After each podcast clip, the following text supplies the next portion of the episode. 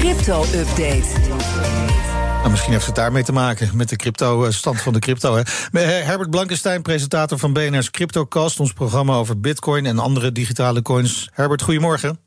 Hele goedemorgen, Meindert. Ja, we hebben het af en toe uh, over de doodverklaringen van de bitcoin, hè, de bitcoin obituaries. Ja. Hoe, hoe, gaat het daarmee nu de cryptomarkt uh, behoorlijk op zijn achterwerk ligt? Nou, dat is interessant als altijd. Die uh, doodverklaringen worden verzameld door de website 99 Bitcoins. Die doen dat al sinds 2010. En het zijn er altijd relatief veel uh, als de koersen pieken. Uh, want dan is er heel veel aandacht en komen de crypto-haters in het geweer. En het zijn er ook relatief veel in het jaar na een piek. Hmm. Want dan gaat het slecht en grijpen de tegenstanders de kans om hun gelijk te halen. ja. Dus bijvoorbeeld in 2017 was een piekjaar. Is Bitcoin 124 keer doodverklaard. Tenminste, dat hebben ze dan vastgelegd bij 99 bitcoins. In 2018 was het jaar van een instorting en was het 94 keer. En nou naar het recente verleden, 2021 was een piekjaar 47 van die necrologieën. Dat is meer dan in de jaren eromheen, maar uh, wel veel minder. Hè, dat valt je op ja. in, dan in het piekjaar 2017. En in 2022 tot nu toe 26 keer. Daar komt nog wel wat bij in december, denk ik. Uh, maar is flink minder dan vorig jaar. Veel minder dan in het vorige bear market jaar 2018.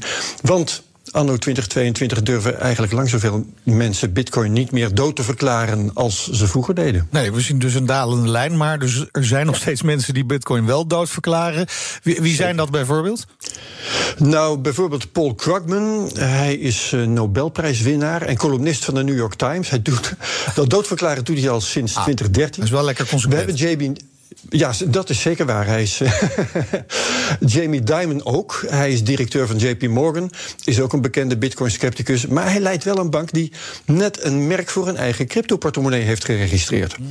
Um, wat ook leuk is en opvalt. We hadden dit jaar een, opval, nou leuk, een opvallende piek in juni. De maand dat uh, Three Arrows Capital en Celsius in de problemen raakten. En in die maand vielen 9 van de 26 necrologieën voor Bitcoin van dit jaar. Oké. Ondertussen komt de Europese Centrale Bank met een stellingname over Bitcoin. Wat uh, kunnen we daarvan uh, verwachten? Nou, dat, dat past in de doodverklaringen. Oh. De bank die zegt dat de stabilisatie die we nu in de koers zien... niet een begin is van herstel, maar de laatste ademtocht van bitcoin... voor de definitieve irrelevantie. Het is een vervelend propagandastuk, als ik even mag. Het staat vol met halve waarheden. De, de auteurs stellen bijvoorbeeld dat echte bitcoin-transacties... onhandig, traag en duur zijn. Nou, hadden we het daar laatst in deze rubriek ook al over... toen het over de Nederlandse bank ging. En de, de ECB die zegt nu, de echte bitcoin-transacties, daar geldt dit voor. En daarmee laten ze merken dat ze echt wil weten dat het Lightning-netwerk bestaat. Dat die nadelen namelijk opheft. Maar ja, dan vind ik het dus niet langer dom, maar ik vind het slecht. Want je laat merken dat je wel weet dat zo'n bezwaar niet langer relevant is, maar je noemt het toch. Ja, zijn er nog meer voorbeelden? Ja, Bitcoin als grote vervuiler. Oh ja, natuurlijk, natuurlijk om de hoek kijken. Ja, daar kun, je, daar kun je echt wel serieus over discussiëren. Dat doen Bitcoin-fans ook wel. Maar ja, als je je ogen sluit voor wat hebben we allemaal? Groei in het gebruik van duurzame energie bij mining. De rol van miners bij het verminderen van vervuiling door afvakkelen. De inzet van miners bij het wegwerken van overcapaciteit van centrales. Gebeurt ook. Het combineren van mining en verwarming. Ja, als je daar allemaal uh, niet naar kijkt en dat niet noemt, dan ben je niet zuiver op de graad. Um, Bitcoin is puur speculatie. Die onwaarheid wordt er ook weer bij gehaald. Bitcoin wordt zelden gebruikt voor legale transacties. Dat staat er echt. Het is echt weer, um, nou ja, zeg maar internet, dat is allemaal porno uit 1995. Ja. Um, heel goed onderbouwde kritiek op dit stuk, want ik heb veel te weinig tijd. Um, die vind je in een draad van Peter Slachter op Twitter van gisteravond. Die uh, breekt dat echt steentje voor steentje helemaal af. Ja, ja oké, okay, maar Peter Slachter, uh, we kennen hem natuurlijk goed. Maar Peter Slachter en jij zijn ook niet helemaal neutraal hierin, toch? Uh, nee, wij hebben een groot hart voor bitcoin, maar we zijn wel eerlijk en we willen dingen weten. Uh, hoe heb ik Peter en Bert Slachter leren kennen? Die kwamen voor het eerst in de CryptoCast toen wij een oproep hadden gedaan. Wie kan ons uitleggen hoe bitcoin naar nul kan gaan? Maar dan wel graag met kennis van zaken. Dus niet nou ja. het gemakzuchtige, het is een piramidespel, het is allemaal speculatie, gebakken lucht. Nee, een echt scenario. Nou, dat hebben we toen besproken. Dat kun je terugvinden in de CryptoCast van 27 februari 2020. Ik heb het even opgezocht. Um, en, en zelf heb ik om dit nu te kunnen vertellen, want dat kwam gisteren pas door, uh, een uh, bericht uh, weggelaten over hoe het verhaal van Bitcoin als bescherming tegen inflatie begint te falen.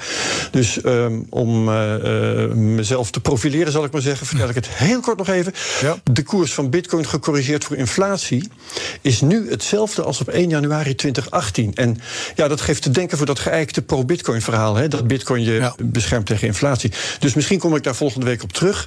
Maar dat beetje relativeringsvermogen, hè, of echte interesse voor financiële in innovatie, dat mis ik compleet bij de centrale banken. Ja, en dat is wel terug te vinden in de CryptoCast. Uh, wat heb je deze week? Deze week hebben we Raoul Esseboom. Hij is oprichter van Crypto Takkies. Dat is een bedrijf dat online en op scholen jongeren uitleg geeft, geeft over crypto. Hm. Uh, als doel natuurlijk dat ze leren om daar verantwoord mee om te gaan, want dat doen ze niet altijd.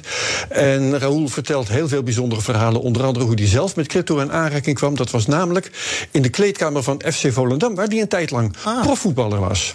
En intussen werkt hij ook voor een cryptobedrijf. Nou ja, dan heb je wel street cred, hè, mag ik zeggen. En ja. uh, dat brengt Raoul dus ook mee naar onze studio's. Heel leuk deze ja, keer. Kunnen jullie gelijk vooruitblikken op uh, de WK-wedstrijd van zaterdag. Hè?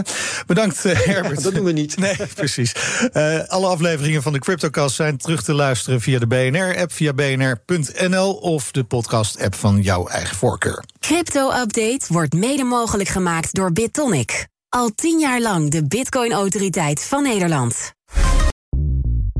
Bij BNR ben je altijd als eerste op de hoogte van het laatste nieuws. Luister dagelijks live via internet. Jelle Maasbach. Wesley Weert. We zijn er voor je met het leukste, opvallendste, maar natuurlijk ook het belangrijkste nieuws. Tijdens de presentatie van die halfjaarcijfers toen die beurskoers in elkaar kukkelde. BNR Beurs. Voor de slimme belegger. Blijf scherp en mis niets.